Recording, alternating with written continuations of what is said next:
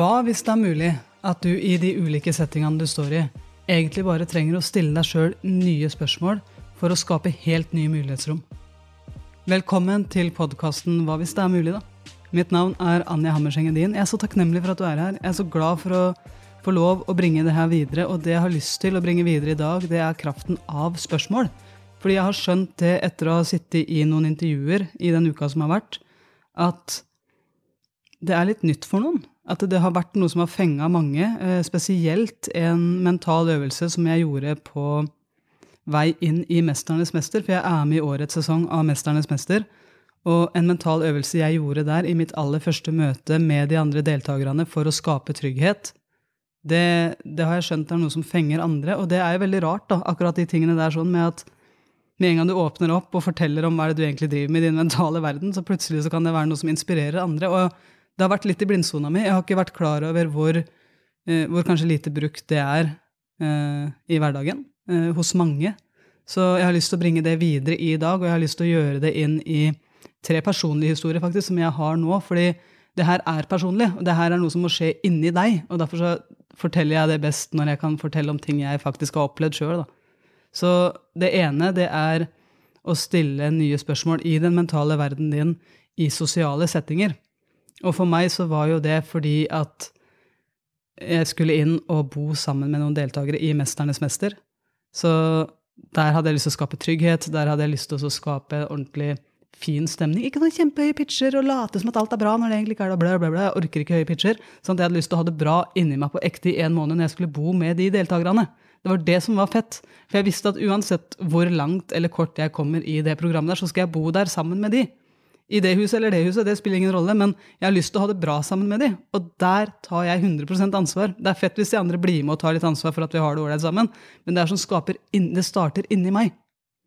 Så den første tingen jeg har lyst til å fortelle om, det er nettopp det.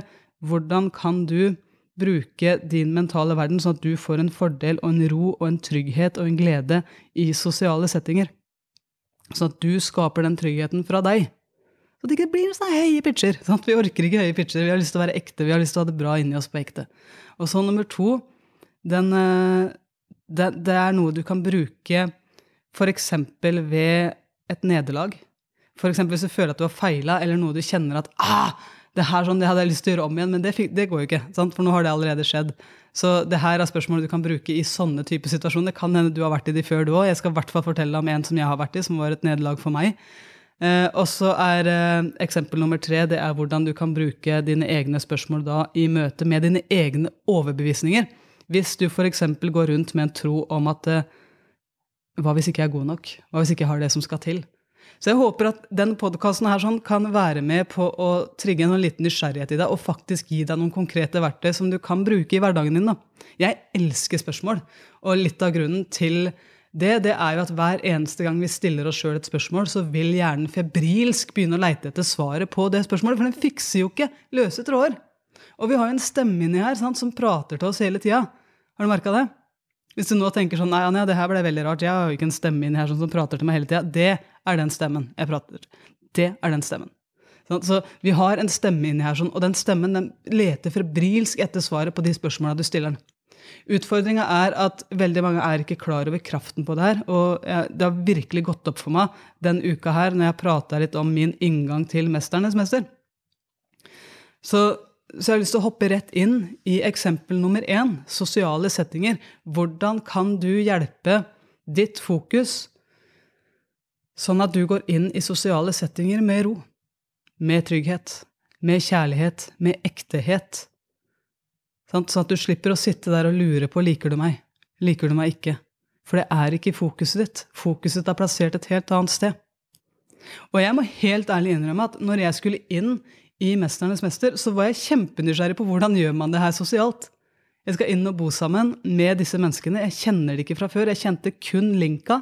Linn Kristin Rigelhut Korn. Hun hadde jeg spilt håndball med i mange år. Hun visste jeg var en nydelig dame. Jeg regna med at de andre òg var nydelige mennesker. Men jeg trenger å virkelig kjenne den tryggheten i relasjoner med mennesker jeg skal være mye sammen med, for å, for å kjenne at jeg ordentlig slapper av. Da. Jeg vet ikke åssen det er med deg, men jeg liker i hvert fall det. Jeg liker å skape trygghet på ekte. Og veldig mange de de, jeg tror det er mye, mange som overser den jobben her. Jeg tror mange bedrifter, lag, overser den jobben her. Den jobben som skjer inni hvert enkelt menneske for å skape trygghet i kulturen. Eh, for meg så starter alt med trygghet. Absolutt alt starter med trygghet. For ut ifra det utgangspunktet så kan du gå vanvittig mange veier. da. Det skaper så enorme mulighetsrom. Det er veldig mange som starter f.eks. med fire verdier. Sånn, jo, nå skal vi skape god kultur og trygghet på arbeidsplassen, og vi starter med disse fire verdiene, og vi finner ut av hva vi trenger å gjøre for å følge de fire verdiene. Altså, sånn, sånn, er det veldig mange som gjør. Og så går det på en eller annen heidundrende uh, kalasfest og blir møking sammen, og så tenker de nå har vi jobba med teambuilding. For meg så er ikke det teambuilding. Verdier kan være en fin rettesnor og alle de tingene der, det er helt sikkert, men for meg så starter det med trygghet. Det starter med hvilken intensjon alle mennesker har inni seg på ekte i møte med de andre menneskene der de er. Og når jeg kommer inn på Olivia i Oslo, som er den restauranten hvor vi skulle sitte og ha en sånn liten kveld sammen for å bli litt kjent før vi skulle bo sammen, så var det ekstremt viktig for meg å være tydelig overfor meg sjøl på hvorfor er jeg her? Hva er min intensjon med å sitte her akkurat nå? Hva er det jeg leiter etter hos de andre? Hva er det jeg ser etter? Hva er det jeg ønsker bekreftelser på hos de andre? Ikke, ikke til meg sjøl, at jeg ønsker at de skal gi meg bekreftelse på noe, men hva er det jeg søker å få bekrefta når jeg ser på de andre? Og for meg da så starter det med spørsmål. De spørsmålene jeg skal presentere for deg nå, det er mine to spørsmål i sosiale settinger, men lek med de. Bruk de spørsmålene du vil bruke. Det her er ikke noe fasit. Sant? Vi er 47 av tida vår i den mentale verden. Bruk de spørsmålene som funker for deg. Sant? Jeg skal gi deg to av mine spørsmål, de to jeg valgte å finne svaret på nå. Og så tenker du har du lyst til å kopiere de? Ja, kjør. Har du ikke lyst, så bruk dine spørsmål. Har du ikke lyst til å bruke spørsmål i det hele tatt, så gå og gjør noe annet. Det, det, her er helt opp til deg. Men det funker. Eh, jeg var veldig ute etter å finne svaret på spørsmål nummer én. Hvorfor kommer jeg til å bli glad i deg? Hvorfor kommer jeg til å bli glad i deg?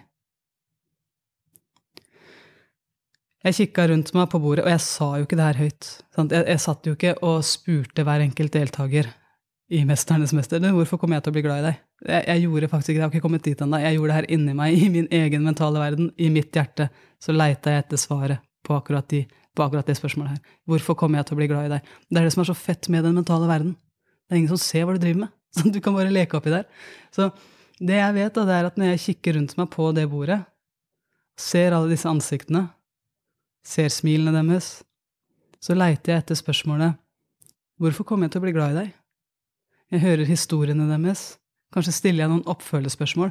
Noen ganger trenger jeg å åpne opp selv, sånn at det kommer flere historier fra de andre òg, sånn at det blir en trygghet som blir skapt der. Jeg kan ikke bare forvente at alle de andre skal åpne seg, så skal jeg være helt lokka sjøl. Sånn jeg, må by på noe sjøl òg. Jeg må finne ut av hvorfor kommer jeg til å bli glad i deg. Og hvis det er min intensjon ved å sitte der, så kommer jeg til å finne svaret på det. For min hjerne vil febrilsk lete etter svaret på det jeg har stilt den. De som har hørt podkastene mine, de vet at det her er, det er sånn hjernen fungerer. Hvis du har hørt noen av de podkastene tidligere, det vi retter fokuset mot, det ser vi mer av. Det er hetedretikulære aktiveringssystemet. Det er veldig sånn avansert ord. Vi kaller det bare sånn rassen, eh, siden det er forkortelse for de tre orda. Men, eh, det, og det er veldig barnslig forkortelse, og jeg liker å ha det barnslig, for da, da, da, husker jeg det. Men vi har et sånt filtersystem i hjernen som gjør at vi, det vi leter etter, det finner vi. Og hvis, hvis, du skal kjøpe deg en ny bil, så vil du finne den type bilen oftere enn det du har gjort før. Når, når, Gro gikk gravid, så så jeg plutselig barnevogner overalt. Aldri lagt merke til de før. Jeg vet at de har vært der før, men nå plutselig så blir de synlige for meg. Sånn fungerer hjernen vår. Så hva er det du velger å leite etter da, hos de menneskene rundt deg? Det er veldig lett å la seg blende av hva andre mennesker har sagt om de før. Det er veldig lett å gå inn med en antagelse. Det er veldig lett å gå inn uh, og tenke hvordan du har blitt behandla av andre mennesker før. Eller uh, kanskje enda verre liker du meg? Sant? For det, hvis jeg går inn og sitter rundt det bordet og hele tida leiter etter bekreftelser på om de andre deltakerne liker meg, om jeg er akseptert, om jeg er god nok til å være der, om jeg, uh, om jeg får nok smil, osv., så, så så skaper jeg jo en mental verden som er veldig opptatt av meg sjøl. Og da finner jeg jo ikke svaret på spørsmålet 'Hvorfor kommer jeg til å bli glad i deg?' Kjenner du forskjellen på de to spørsmåla? Hvis du Jeg innbiller meg nå at du sa ja da, til meg, siden jeg sitter her og prater aleine. Men, men jeg, jeg, tror virkelig at de fleste kan kjenne forskjellen på spørsmålene 'Liker du meg?' og 'Hvorfor kommer jeg til å bli glad i deg?' Fordi hjernen vår er egentlig veldig opptatt av negativitet. Det er litt sånn vi har overlevd, og det kan godt være at det er en positiv ting, men det gjør jo at hvis jeg stiller meg sjøl spørsmålet 'Liker du meg?', så er det en veldig stor sjanse for at jeg kommer til å legge merke til negative ting. Eh, noen armer i kors, eller noe som skaper et eller annet sånn uromoment på innsida av meg. Og for meg så er ikke det relevante spørsmålet heller om du liker meg. Det relevante spørsmålet det er hvorfor kommer jeg til å bli glad i deg? For da finner jeg de egenskapene som jeg verdsetter. Da finner jeg de samtaletemaene som jeg vet at vi to kan prate om. Og hvis jeg virkelig finner det, så skapes det en trygghet. Og det er den tryggheten jeg er ute etter. Det er det som er min intensjon. For meg så starter alt med den tryggheten. Og hvis jeg er ute etter tryggheten, så er det mye lettere at den starter hos meg, enn at jeg leiter etter den hos deg. Hører du forskjellen? Merker du forskjellen? Jeg håper du gjør det. For det her er en så enormt stor forskjell. I alle menneskemøter, uansett om du skal inn i Mesternes mester. Det er ikke det som er det viktige her. Det kan være i lag, det kan være i bedrifter, det kan være i jobbintervjuer. Det kan være overalt i livet ved å stille spørsmål. Du vet hva din intensjon er. Du stiller de spørsmålene som får den ordentlige effekten som du er ute etter. Så kommer du til å finne de svarene. For hjernen din gir seg ikke før den har funnet svaret. Av og til så krever det at du trenger å stille et par oppfølgerspørsmål. Men jeg jeg husker så godt at jeg fant Jeg, jeg kikka i ansiktene deres, jeg leita i historiene deres, stilte oppfølgerspørsmål, og jeg fant svaret på samtlige hvorfor jeg kom til å bli glad i dem. Og så er spørsmål to, da, som jeg også stilte meg, det er hvorfor kommer vi til å ha det gøy sammen? For det kan ikke bare være nedpå. For, for meg, Jeg liker å leke, jeg liker å være kreativ. Og for meg så er jeg kreativ når jeg er trygg. Mye lettere for meg å være ordentlig kreativ hvis jeg er trygg i forkant. Jeg vet ikke hvordan det er for deg, men har du det ordentlig gøy? Klarer du å slappe av? Klarer du å bli litt mindre selvsentrert hvis du virkelig kjenner at jeg er trygg på den personen som er foran meg? Men da må du skape den tryggheten! Jeg har en innbilning om at den, den rollen der sånn, den starter med meg. Det, den relasjonen her sånn, den starter hos meg, inni meg. Og da er det jeg som må gjøre noe med det. Da er det jeg som må gå inn i det møtet med de menneskene som er foran meg, med den intensjonen, med de spørsmålene, med den interessen som gjør at jeg finner svaret på det som jeg trenger. For derfra kan jeg gi masse glede til deg. Derfra kan jeg gi deg og legge merke til alt det fine med deg, for jeg er allerede trygg. Jeg går ikke rundt og grubler over om jeg passer inn. Jeg går ikke rundt og grubler over om du liker meg fordi jeg er allerede trygg på deg. Jeg har funnet mine grunner. Og jeg blir annerledes i møte med andre mennesker hvis jeg stiller meg sjøl spørsmålet 'Hvorfor ble jeg glad i deg?' 'Hvorfor kom vi til å ha det gøy sammen?' versus spørsmålene 'Liker du meg? Er jeg god nok?' i dine øyne de to siste spørsmålene det gjør at jeg blir anspent i ansiktet, det gjør at jeg blir anspent i kroppen, det gjør at jeg puster annerledes. Du har helt sikkert merka alle de tingene her, du òg. Og sånn sett så er kanskje det å få lov å være med på Mesternes mester, det å få lov å fortelle om de tingene her høyt, det, det i seg sjøl er jo en gave, for jeg visste ikke at det var noe som, som tydeligvis var så interessant for folk. Jeg, jeg håper at det her gir mening for deg, at du skjønner nå hvordan du kan bruke dine spørsmål, dine svar, inn i sosiale settinger. Spørsmålet er enormt kraftfullt. Det er derfor jeg kaller den podkasten her Hva hvis det er mulig? da? Spørsmålstegn! Fordi det skaper et bilde, skaper en sånn hmm, det skaper et mulighetsrom, det skaper en undring, det skaper en nysgjerrighet. Og nysgjerrighet er så enormt kraftfullt. Og det skaper en positiv nysgjerrighet. Og da har det en enorm effekt, en positiv effekt. Sant? Så eh, for meg så er det helt annerledes å kalle den podkasten her hva hvis det er mulig. da, Spørsmålstegn versus det er mulig utropstegn. For da umiddelbart da så vil min hjerne, min indre stemme, vil begynne å protestere. For da har han fått en mulighet til å protestere. Så at, at Slapp av, det der er jo ikke mulig. Den vil, den vil begynne å protestere på utropstegnet, men på spørsmålet så vil den bli med på spørsmålet. Og åpne opp for det mulighetsrommet. Så bare lek med det her i din mentale verden, og kjenn etter hvordan er det her for deg. Så nå er vi ferdig med nummer én, det er sosiale settinger. Gå nå over på eh, nederlaga. Bare for å gjøre det her kjempepositivt og nydelig. tar, det her det er, eh, det, det er, rett og slett fordi jeg kaller det nederlag, for alle vet hva det er. Jeg kunne helt sikkert kalt det positivt, men det gadd jeg ikke. Eh, vi, vi, vi, har alle stått i de situasjonene hvor vi bare kjenner det så sykt i magen. Det derre Å, oh, shit, skjedde det? Eh, hvorfor gjorde jeg det ikke annerledes? Hvorfor tok jeg ikke et annet valg? Altså, hvor vi stiller oss sjøl de typer spørsmålene. da, vi, Hvor vi kjenner alle emosjoner i verden. Sant? Du kjenner at det suger i magen, hjertet banker fortere, blir kjempevarm og rød i kinna, får sånn trykk i hodet, kanskje, Jeg kjenner det av og til i kjeven. De nederlaga. Jeg skal ta deg med inn på en setting nå hvor jeg kjente på et sånt nederlag. Og, og det var virkelig Det var smertefullt for meg fordi at det gikk utover flere enn meg sjøl. Og Det var en av mine aller første e-cupkamper i håndball. Europacupkamper i håndball. Eh, hvor vi faktisk hadde kommet litt langt. Jeg tror vi hadde kommet til kvartfinalen. Og, og, vi var liksom Vi var veldig stolte. Vi hadde kommet oss helt dit. Vi sto på banen, og det var ti sekunder igjen av kampen. Og det her er et sånt scenario som du egentlig bare hører om. Jeg har hørt om det mange ganger, men det er første gang jeg har sett meg sjøl på et sånt nivå i det scenarioet. Og, og jeg husker jeg hadde ballen, og jeg var i angrep. Og det som skjer, det er at plutselig så ser jeg at motstanderen sin kantspiller i forsvar, altså eneren til motstanderen i forsvar, plutselig begynner å løpe kontra. Og jeg syns det var så sykt rart, så jeg, jeg liksom, gikk opp i lufta, kasta ballen til min kantspiller, sånn at hun skulle få lov å score. Utfordringa mi var jo at hun hadde begynt å løpe retur, hun òg. Så jeg kasta jo ballen rett til innkast til det andre laget, som da rakk å kontre, sette ballen i mål, skåre, og vi var ute av e-cup.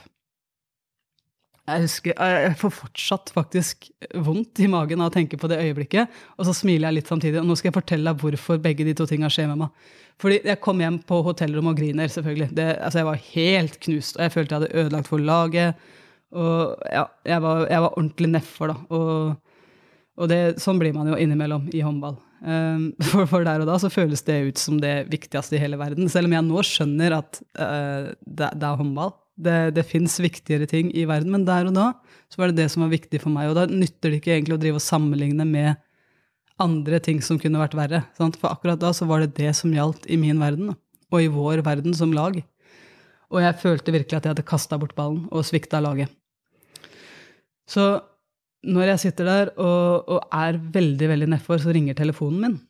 Og da er det Frank Beck, en av, en av de som virkelig har hjelpa meg i mange, mange år med mindsettet mitt. Da. Helt fram til han gikk bort, faktisk, så var han en stor del av mitt liv. Og jeg er så enormt takknemlig for det. Det å ha han i livet mitt, som ringte på de tidspunktene hvor jeg faktisk trengte det, det var, det var stort. Men det han sa, det overraska meg. Jeg tok telefonen og så sier jeg hallo, og så går det sånn lang tid. Det gjorde alltid med Frank. Det tok sånn lang tid før han gadd å si hallo tilbake. Jeg så kampen. Ja. Jeg så resultatet. Ja. Jeg òg. Jeg var der. Ja. Men Anja, det, det er godt at jeg henter deg.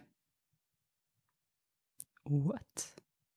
Her ringer du som min venn, som min mentor, som den som alltid løfter meg opp. Du vet at jeg har kasta bort ballen, du vet at jeg akkurat nå ikke har det bra, og så sier du til meg at det er bra det henter meg.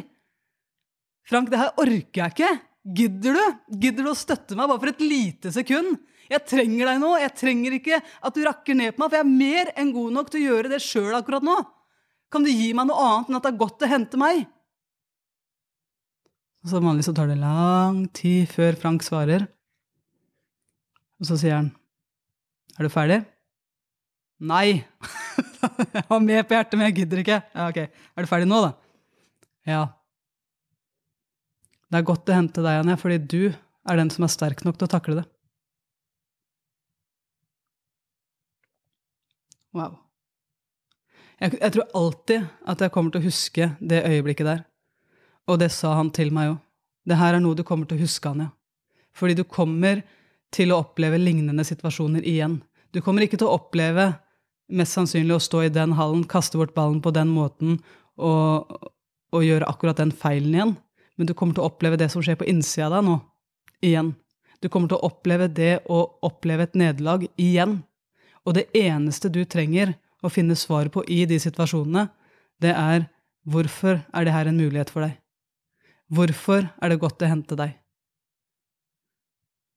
Og jeg hadde faktisk, når han sa det, så var det akkurat som det skjedde et sånt stort skift inni meg, for jeg gikk fra å være knust til å kjenne på en bitte liten stolthet og av en eller annen merkelig grunn litt sånn takknemlighet. For jeg tenkte på de andre på laget mitt, og så tenkte jeg fy, unnskyld, fy søren, så bra det var at det her sånn hendte meg, og ikke en av de andre.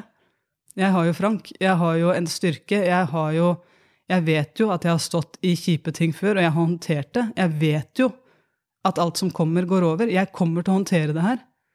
Og, og det å liksom kjenne meg sjøl plutselig komme inn på det sporet, det, det, gjorde enormt mye for meg. Men det var én ting jeg ikke skjønte, og det var spørsmålet hvorfor er dette en mulighet? Så, så det måtte vi snakke litt mer om. Så sa jeg, men Frank, jeg skjønner nå hva du mener med at det er godt å hente meg. Og jeg skjønner hva du mener med at jeg alltid kan stille meg selv spørsmålet hvorfor er det godt det her henter meg? For da kan jeg finne fram til svaret. Ja, men jeg har takla sånne situasjoner før. Ja, men jeg har et godt nettverk rundt meg som jeg nå kan støtte meg på. Eller jeg har en mulighet til å lære. Og, så, så, alt det her så skjønner jeg. Men hvorfor er det en mulighet? Og så sa han til meg, ja, men Anja, hva, hva var det du akkurat sa? Ja, hva da? Du har en mulighet til å lære. tenkte jeg, ah, ja. Det har jeg jo faktisk. Og jeg har tenkt å spille mye høyere på mye høyere nivå enn det jeg gjorde akkurat der og da. Jeg hadde tenkt til å ta håndballkarrieren min mye lengre enn der jeg var akkurat der og da. Og hvis det her kan være en mulighet for meg til å lære at jeg er en som kan stå i tøffe situasjoner, så er jo det gull. Så hvorfor er det her en mulighet? Kanskje kan jeg nå bruke det her sånn som en mulighet til å vise laget at vi er sterke sammen. Til å vise laget at jeg er en som tar ansvar for mine egne handlinger uten å gå i offerrollen, men heller å begynne å trene på det å ta kloke avgjørelser i heftige situasjoner. da. Og stå og si det foran de, at vet du hva, det her er noe jeg har lyst til å lære av, har du lyst til å hjelpe meg? Kanskje er det her en mulighet for meg til å vise styrke og sårbarhet, for de to går ofte veldig hånd i hånd, egentlig, i samme situasjon. Jeg er kjempelei meg, jeg hadde lyst til å ha et annet resultat og gjøre det for laget, men jeg har tenkt å bruke det her sånn som en mulighet til å bli sterkere. Til å bli enda bedre for laget. Og nettopp fordi det gjør så vondt på innsida, så tror jeg at jeg også har lært hvordan jeg kan løse den situasjonen på en annen måte neste gang. Fordi at eh, den smerten, den gir meg jo også en mulighet til å lære hva slags andre muligheter kunne jeg gjort i den situasjonen. Hva annet kunne jeg gjort i den situasjonen som ville skapt et annet resultat? Og den smerten der, den er jo med på å lære meg det. Den er jo med på å dra meg inn i den nysgjerrigheten på hva er det første jeg kan gjøre nå? Hvem kan jeg lære av? Hvordan kan jeg bruke akkurat den situasjonen her sånn til å lære? Så, så for meg så blei det å, å, stå i et nederlag, få den telefonen som jeg først trodde var helt ræva fra Frank, til å faktisk bli en av de fineste gavene jeg har fått, og så faktisk bruke det som en mulighet til å, til å stille meg de smarte spørsmåla i nederlagssituasjoner. Da.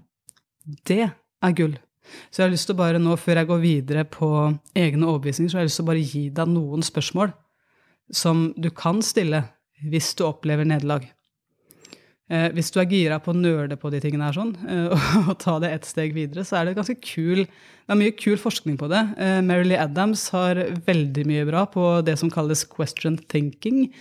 Eh, Carol Dweck har mye bra på mindset. Og, og hvordan skifte mindset. Så, så de to de, de, anbefaler hvis du har lyst til å lære mer om det. Men her er i hvert fall noen spørsmål som jeg har brukt enormt mye sjøl i nederlag. Og Nummer én, det er jo hva skjedde egentlig? Ofte så skaper jeg en sånn tolkning oppi min mentale verden som er mer enn fakta. Sånn, hvis du si, si, du er en spiller som evaluerer, da. Si, si, du er en spiller som evaluerer sist sesong. En håndballspiller som evaluerer sist sesong. Eh, da kan evalueringa di høre sånn her ut. Eh, sist sesong var ræva. Jeg spilte ekstremt lite. Det betyr at jeg er ræva. Eller du kan stille spørsmålet hva skjedde egentlig? Det som skjedde egentlig, det var at jeg spilte forrige sesong, men jeg satt aller mest på benken. Det er det som egentlig skjedde. Og så kan, jeg, så kan jeg legge bort hva det betyr for meg, og hvilken tolkning jeg gjør ut av det. Det der at det, det betyr at, det, det, har jo ikke egentlig skjedd, for det er bare min tolkning av det. Sant? Så det som faktisk skjedde, det var at jeg spilte lite. Det er det som faktisk skjedde. Så det her sånn, det kan du bruke til alt. Hva er det som er den ærlige og bare faktabaserte sannheten? Da, for å komme fram til det, så kan du se for deg at det her er noe du kan filme. Du kan catche det på film. Da er det mye lettere å se for deg. Ah, så det at jeg er ræva, kan du faktisk ikke catche på film. Sant? Det som egentlig skjedde, det er at du satt på benken. Det er det du mener. Ja, ok, da. Ja? Og, og da har vi et utgangspunkt da har vi et utgangspunkt som faktisk er sant. Så da kan du slette alle de andre tankene. Så det er spørsmål en som jeg faktisk pleier å, å stille meg sjøl. Det er hva skjedde egentlig? Og så er spørsmål nummer to eh, hvordan har jeg løst lignende situasjoner tidligere? Hvis jeg har stått i noen lignende situasjoner tidligere, så pleier jeg å som, være litt nysgjerrig på det. Hvordan har jeg løst det her før? Har det vært noe jeg har løst med hell, eller er det noe jeg har lyst til å endre på? Bare sånn for å også gjøre meg sjøl oppmerksom på mitt eget vanemønster, og om det er noe jeg burde røske opp i, eller om det er noe jeg faktisk kan ta i bruk. Så, så, det er også et lurt spørsmål. Og så er det hvem kan jeg lære av? Sant? Hvem er det jeg har rundt meg i nettverket som jeg kan lære av akkurat nå? Fordi at jeg har lyst på et nytt resultat neste gang. Jeg har lyst på å stå i samme situasjon og så ta et annet valg, sånn at jeg får et annet resultat. Det er sånn jeg kjenner fremgang. Det er sånn jeg kjenner at selvtilliten min kan vokse. Det er jo å se at nå løser jeg ting på en bestemt måte. Før så gjorde jeg det på denne måten, og det gikk ikke bra. Men se nå, da. Kjenn nå. Kjenn hvordan det oppleves inni meg når jeg faktisk ser meg sjøl gjøre ting på en ny og mye bedre måte for meg selv, og kanskje også for laget mitt eller familien min eller for de menneskene jeg er glad i. da. Se hvilken enorm forskjell det faktisk gjør. Så sånne type spørsmål det, det, funker enormt bra, syns i hvert fall jeg. Og, og det fins et hav av de. Så, så det, det, det, er bare å finne ut av hvilke spørsmål er det som virkelig nå får deg inn på det mentale sporet som du har lyst til å ha mer av. Da. For det, er jo ofte det. Eh, hvis du vil, så kan du også ta den, det Frank Beck at det er bra det hendte deg, for du er sterk nok til å takle det. Og hvorfor er det her en mulighet, da? det er, ja, eller, eller, den vanlige som Frank pleier å si til meg. Hva har du tenkt å gjøre med det? Kjempeirriterende. Men jeg hører faktisk Frank sin stemme i nederlag eh, veldig ofte, fordi han alltid pleide, pleide å stille meg det spørsmålet. Ja, ja, ja, det skjedde. Det er tidlig inn i aksept, men hva har du tenkt å gjøre med det? Så det er jo bare Ja. Det, det, er, det, er, spørsmål som funker for meg, og det er mulig det funker for deg. Men let gjerne etter, etter flere av de spørsmålene som funker for deg, for det, der er vi jo litt forskjellige. Sånn, du, du, har din mentale verden, jeg har min, og det som funker for meg, er jo ikke nødvendigvis det samme for deg, men det går an å, går an å teste det ut, og kanskje teste ut litt sånn ulike varianter av det. Så jeg liker ikke å ha det sånn helt bombastisk at du må gjøre det på akkurat denne måten, for det tror jeg ikke noe på. Vi har, vi har, hver vår historikk, vi har hvert vårt liv, vi har hvert vårt utgangspunkt. Vi har hver vår forståelse av ting. Vi har hver vår måte å like å gjøre ting. Så bare test ut det som faktisk funker for deg. Kult. Da er vi inne på historie nummer tre. Og det er eh, når, når, du har noen egne overbevisninger eller en egen tro, som kanskje egentlig er litt kamuflert til og med, men det holder deg kanskje litt tilbake. da. Og da er jeg inne på historien om da jeg skulle gå fra å være en nasjonal spiller til å bli en internasjonal spiller. Har du opplevd det noen gang, at du skal opp et nivå? Du skal inn og løse en arbeidsoppgave som kanskje er på et høyere nivå enn det du har gjort før? Og jeg husker veldig veldig godt at jeg fikk kontrakt med Larvik håndballklubb. Det for meg, det var opp et nivå. Jeg var veldig vant til å være god i Norge. Jeg var ikke vant til å spille veldig mye god håndball internasjonalt. Og det var Larvik håndballklubb sine spillere. Og hele klubben var ekstremt profesjonell. Så jeg vet ikke om du har hatt den der følelsen før at du, du får tilbudt en jobb, og så kjenner du inni deg at wow, det her var høyt nivå. Har jeg den kompetansen som skal til? Er, det her riktig person de har spurt? Det var omtrent på det nivået, sant? og det var jo helt ræva spørsmål. Men i starten så var det på det nivået. Og Det er derfor jeg har lyst til å dele den historien med deg. fordi jeg husker veldig godt at i Larvik håndballklubb på den tida, de hadde akkurat vunnet Champions League, og de hadde henta meg, blant annet, til klubben. Og veldig kjapt da så får jeg spørsmål fra journalister. Eh, Anja, hvordan er det egentlig å være den eneste i hele Larvik håndballklubb som aldri noensinne har vunnet noen ting? Så det de gjorde der, det er jo at de faktisk bekrefta min tvil òg, da. De bekrefta jo min usikkerhet ved å stille meg det spørsmålet som jeg sjøl hadde stilt så mange ganger. Men så blir det litt ekstra ekte når det også kommer fra andre. Har du merka det? Uh, og, og, for meg da så blei det sånn ah, Der kom den. Kjente på alle emosjoner, blei varm i kinna. Men så kjente jeg også veldig veldig fort at jeg gikk inn i den derre kamuflasjen, den, det forsvaret, der jeg fikk lyst til å beskytte meg sjøl. Og måten jeg beskytta meg sjøl på da, det var jo at jeg gikk inn i selvironien. Sant? Begynte å le av meg selv. Har du gjort det før? Eller kanskje et eller annet annet forsvar. Men jeg gikk inn i selvironi, jeg gikk inn i humoren. Og så husker jeg sa noe sånt som at nei, jeg har jo vunnet noe, jeg. da. Jeg vant jo Skjærgårdslekene da jeg var tolv, og så har jeg vunnet noe sjakkmesterskap i senere tid, sånn typ 13-14-15-årsalderen. Og så lo vi alle sammen, og så var vi alle enige om at jeg var den som aldri hadde vunnet noen ting, og så slapp jeg å ta meg sjøl på alvor. Fordi at uh, ofte når, når ikke vi føler oss gode nok, så er det lett å tre inn i den rollen der vi også oppfører oss som noen som ikke er gode nok. Og nå vet jo både du og jeg at det er lurt å adde ordet 'enda' etter det. Jeg er ikke god nok kanskje til dette nivået enda, men det visste, altså, det gjorde ikke jeg på den tida der. Og det er grunnen til at jeg har lyst til å fortelle denne historien, fordi selvironi kan være fint i noen tilfeller, men ikke i alle. For meg så var ikke det her fint i det hele tatt, for jeg skulle inn, jeg hadde signert for en klubb som hadde som mål om å være verdens beste klubb. Og da trenger jeg faktisk å være den spilleren. Jeg må gjøre meg opp en mening. Hvordan kan jeg bli den spilleren som er med på å løfte laget i verdens beste klubb?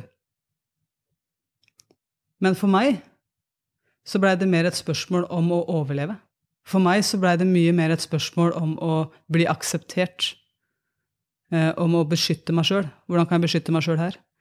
Og, og, jeg husker også at når det nærma seg seriestart, så fikk jeg en dobbeltside i en avis med bilde av meg, og så var det en kommentar, så det var ikke noe jeg hadde fått sitatsjekk på, eller noen ting. Det bare dukka opp, for når det er en kommentar fra en journalist, så slipper de å sende, sende det til oss da, som sitatsjekk. Så, så jeg visste ikke at det kom. Men jeg ble gjort oppmerksom på det av en uh, som helt sikkert var veldig velmenende, men som syntes det var en god idé å vise meg da, denne avisartikkelen. Og da, da, kjente jeg at uh, det var et bilde av meg, og så stakk det til når jeg så overskriften, for den var 'Mer enn bare dama til Gro?' spørsmålstegn. Gro er jo kjæresten min, kona mi, vi har to barn sammen. Vi hadde vært sammen i et år eller noe, tenker jeg, når, når jeg fikk den kontrakten. Kanskje to.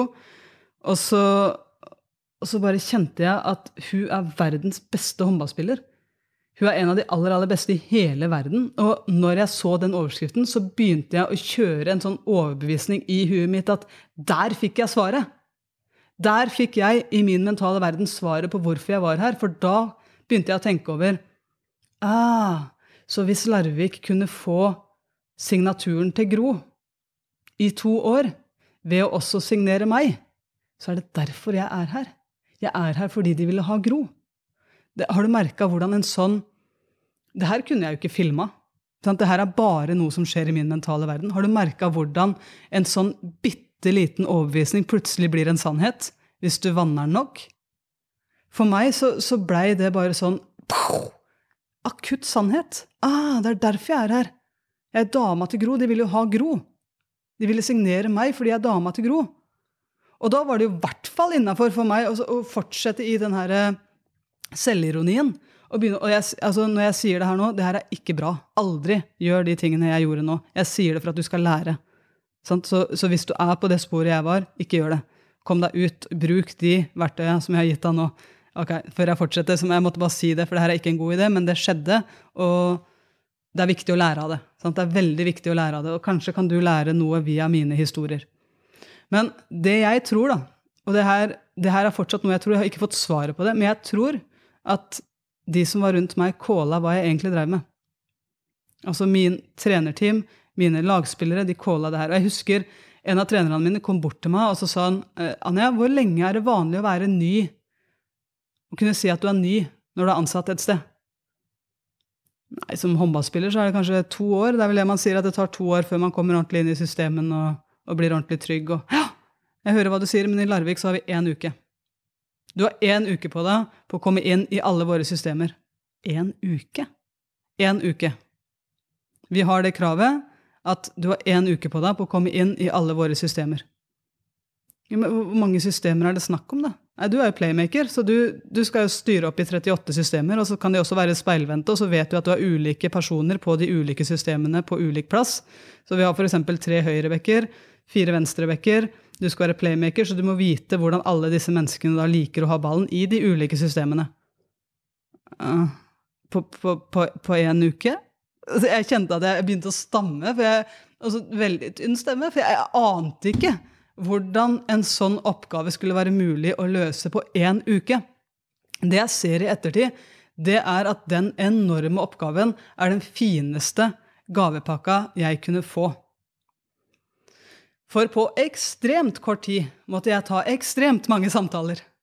Jeg måtte stå igjen etter trening, trene på de pasningene på de ulike menneskene, sånn at jeg ga meg sjøl nok repetisjoner på det, sånn at det satt på autopilot. For jeg kan ikke tenke i kamp. Du ønsker at jeg skal komme inn i autopiloten og ikke vurdere hvordan liker du av ballen. hvordan liker du. Det har vi ikke tid til. Det her må gå på autopilot, og det betyr at jeg må gi meg nok reps til at det faktisk skjer. Og Samtidig så måtte jeg sitte og tegne opp før etter trening alle systemene. Tenke over hvordan skal jeg huske alt det her sånn.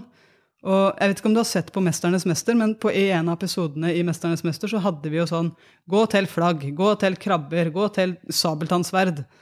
Og helt ærlig, for meg, altså grunnen til at jeg vant den øvelsen, det er fordi jeg fikk én uke på meg til å huske alle de tinga her sånn i Larvik håndballklubb. Så det, var, det, er null problem for meg å huske sånne ting nå, fordi at jeg har laga det systemet som faktisk gjør at ting sitter. da. Men jeg var helt nødt for å lære meg de tingene. Og jeg hadde ikke en selvtillit som var spesielt utvikla på hukommelse. jeg. Men jeg visste hvordan hjernen fungerer, og jeg visste at jeg blir bedre på det jeg trener på. Men det som fortsatt var litt i blindsona mi, det var min egen overbevisning og hva det gjorde med min atferd. Så jeg husker at når jeg kom hjem fra en av treningene, så selv om jeg nå var i gang med mitt nye prosjekt, så husker jeg at jeg satt og prata med Gro, og så kjente jeg at jeg blei kjempelei meg, egentlig, fordi at jeg bare følte at jeg var på feil sted, og hvorfor jeg hadde takka ja til et så vanvittig nivå. Og folk hadde jo ikke trua på meg, i hvert fall ikke journalisten jeg prata med. Så, så, jeg kjente at jeg blei sånn, ble litt nedbrutt, da.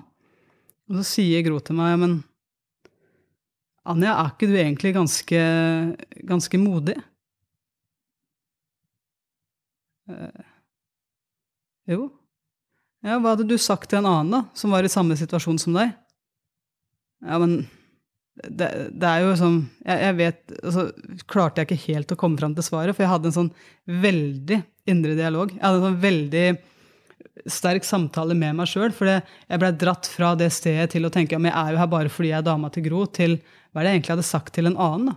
Som var i samme situasjon som meg, til en jeg var glad i, som var i samme situasjon som meg. Det jeg hadde sagt, hvis jeg skal være helt ærlig, det er Ja, men la oss si at det er sant, da!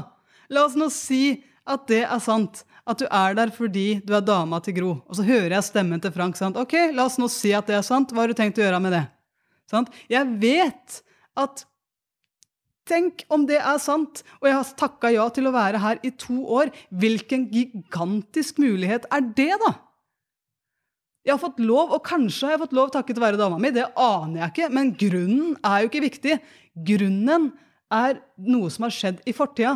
Det som egentlig er viktig, det er hva jeg gjør i nåtida. Det er jo nå jeg kan forme den virkeligheten jeg har lyst til å ha her. Jeg har muligheten til å trene med verdens beste spillere hver eneste dag. Så hva har jeg tenkt å gjøre med det, da? Og plutselig så følte jeg meg modig. Sant? Fordi at jeg begynte å snakke til meg sjøl som om jeg hadde snakka til en venn. Som om jeg hadde snakka til en jeg var glad i. Og så hører jeg Frank sin stemme litt sånn oppi der. som bare, har tenkt å gjøre med det. Men det har du alltid muligheten til. Sant? Hva er det, hva er mulighetsrommet i akkurat den situasjonen her? Og når du switcher spørsmål da, fra er jeg god nok? Har jeg det som skal til? Har jeg den kompetansen som kan tilføre laget noe? Når jeg switcher spørsmål fra de til hvordan kan jeg bidra? Hvordan kan jeg gjøre deg god? Hvordan kan jeg sikre at det laget her sånn virkelig fortsetter den utviklinga de har? Når jeg begynner å ta det første steget der, begynner å ta ansvar for alle bomskudda mine, begynner å bli nysgjerrig på hvordan kan jeg sette de neste gang istedenfor å le av meg sjøl, det er da jeg blir en av de spillerne som laget trenger. De trenger ikke selvironi. De trenger et menneske som tar seg sjøl såpass på alvor at jeg tar ansvar for de handlingene jeg gjør. Og når jeg begynte å skjønne det, så endrer jo alt seg. For da måtte jeg begynne å snakke med de menneskene rundt meg, og det måtte jeg uansett, for jeg hadde bare én uke på meg. Sant? Og snakke med de menneskene rundt meg. Og til og med Cecilie Leganger, som er en av de beste keeperne i verden, skulle jo jeg jobbe med å prøve å skåre mål på, sant? for jeg var jo bakspiller i håndball. Og hver eneste gang jeg skøyt mot det målet, så tok jo hun den omtrent i fast grep. Det er jo ikke gull. Det er jo ikke en gullgruve for selvtilliten når den allerede er litt skranten i det miljøet. Sant? Så, så det jeg endte opp med å gjøre, det er å si Cecilie, helt ærlig, hvordan kan jeg gjøre det her vanskelig for deg? Hvordan kan jeg skyte på en bedre måte, sånn at ikke du tar den så enkelt hver eneste gang? Og hun svarer meg jo på det spørsmålet. Så sier han jeg skal lære deg litt om toppidrettsmentalitet. da. Hvis du skyter ned til venstre for meg hver eneste gang, så er det mitt svake punkt. Og hvis du lover å skyte der, så kommer det til å være gull for ditt underarmskudd. For det er vanskelig for en keeper å se. Det er vanskelig for meg å se. Og du kommer til å gjøre meg bedre. For jeg kommer til å få mange repetisjoner på noe jeg trenger repetisjoner på. Skal vi ha det som avtale? Og det er der jeg skjønner at de beste beskytter ikke egoet sitt. De beste gjør seg ikke sjøl mindre eller er redde for sine egne svakheter. De tør å face de, og så gjør de noe med det. Og så har de en enorm, enorm styrke i å vite om sin egen styrke. Det er ikke flaut å være god, for du vet at du har fortjent det. Så når jeg lærte meg de tingene her, når jeg lærte hvordan jeg kunne snu fokuset mitt fra 'er jeg god nok' til 'hvordan kan jeg bidra'? Fra 'er jeg her fordi jeg er dama til Gro' til 'nå er jeg her', uansett årsak, hva har jeg tenkt å gjøre med det? Så endrer jo alt seg. Det er en helt annen mental verden, og det er en helt annen fysisk verden, for de to de er ikke enten-eller, de henger sammen. De, smelter, de to til sammen er det som skaper din virkelighet. Så jeg håper virkelig at eh, de tre historiene her er noe som kan hjelpe deg òg. At de spørsmålene som har blitt stilt her, i både sosiale settinger Hvorfor kommer jeg til å bli glad i deg? Hvorfor kommer vi til å ha det gøy sammen? Til nederlag. Hva lærte jeg? Hvordan kan jeg gjøre det her bedre neste gang? Hva er det første jeg kan gjøre? Hvem kan jeg lære av? Hvem kan jeg ringe? Hvordan har jeg løst sånne situasjoner tidligere? Til egne overbevisninger, da. Hva er det jeg egentlig gjør? Hva er mitt egentlige mønster når jeg prøver å beskytte meg sjøl? switche spørsmål fra 'er jeg god nok?' til 'hvordan kan jeg bidra?' Det å virkelig se på hvordan beskytter jeg meg sjøl her, er det ved å tørre å åpne opp, slippe folk inn, være ærlig, se på det som at kanskje er jeg ikke god nok, men hva hvis det er mulig at jeg bare ikke er god nok enda? At jeg kan lære av alle som er rundt meg? At jeg kan se på det som en mulighet til å bli bedre kjent med dem? At jeg faktisk nå kan bruke denne muligheten til å vise at jeg er oppriktig nysgjerrig på hvordan du har utvikla de ferdighetene. Hva hvis det er mulig, da? Jeg tror at vi skaper vår egen virkelighet ved å plassere fokuset vårt der vi ønsker å ha det. Og hvis ikke vi plasserer fokuset vårt, så blir det plassert et eller annet sted uansett. Og det skaper også vår virkelighet. Så Av og til så kan du bruke dine egne emosjoner til å registrere hvor du er hen. Av og til så kan du bruke dine egne handlinger til å registrere hva det jeg egentlig driver med. og Hvorfor gjør jeg de tingene jeg gjør akkurat nå? Er det for å beskytte meg sjøl, eller er det for å ta det neste steget? Og begge deler kan virke like ubehagelig. Men resultatet er to helt forskjellige. Så hva er det du kan ta ut av den episoden her? Jeg håper det er noe. Jeg håper at det her er noe som kan bety like mye for deg som for meg. For kraften av spørsmål, den er enorm. Det, det skjer så enormt mye når du får svaret på de spørsmålene her oppi din mentale verden.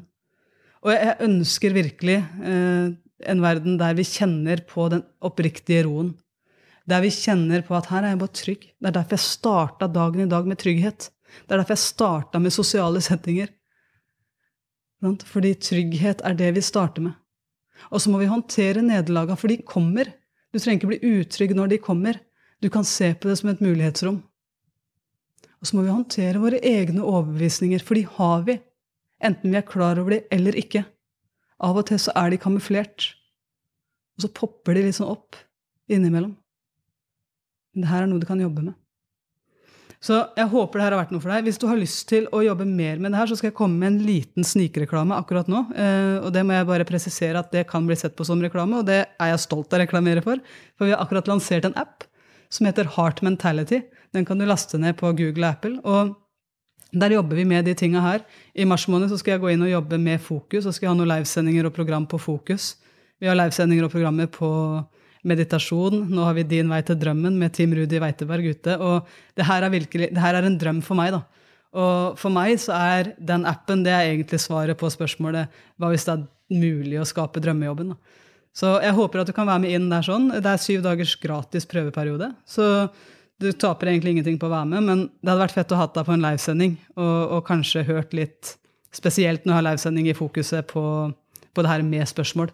Fordi at eh, jeg er veldig nysgjerrig på dine tanker. Eh, hvis du ikke vil inn i appen, så ta gjerne kontakt med meg på Instagram. Det er kjempehyggelig. Det er mange som har gjort det. Og jeg så egentlig ikke for meg at den interessen skulle bli så stor. Så plutselig så var det veldig mange som tok kontakt. Men jeg blir kjempeglad for det, og jeg går gjennom det. Jeg jobber meg virkelig jeg, blir oppriktig glad for det, og jeg forsøker å svare alle som jeg klarer. Så, så vær så snill å bare skriv inn til meg, for jeg vet at det her er det her er litt gammelt for noen, litt nytt for noen andre, og litt heftig for noen tredje. Så, så, det her er ting som vi reagerer på på veldig ulik måte. Så ta gjerne kontakt, og, men nyt det. Altså, lek med det, gjør det på din måte, og kjenn at det her er en mulighet for deg. Det her er virkelig en For meg så har det vært en transformasjon, og jeg håper det kan være for deg òg. Så Tusen, tusen takk for i dag. Det her er podkasten Hva hvis det er mulig? da? Det er den jeg leker meg med når det gjelder mindset, inspirasjon, motivasjon. Litt sånn morsomme, deilige ting. Og jeg håper at du òg finner det som du har lyst til å leke deg med.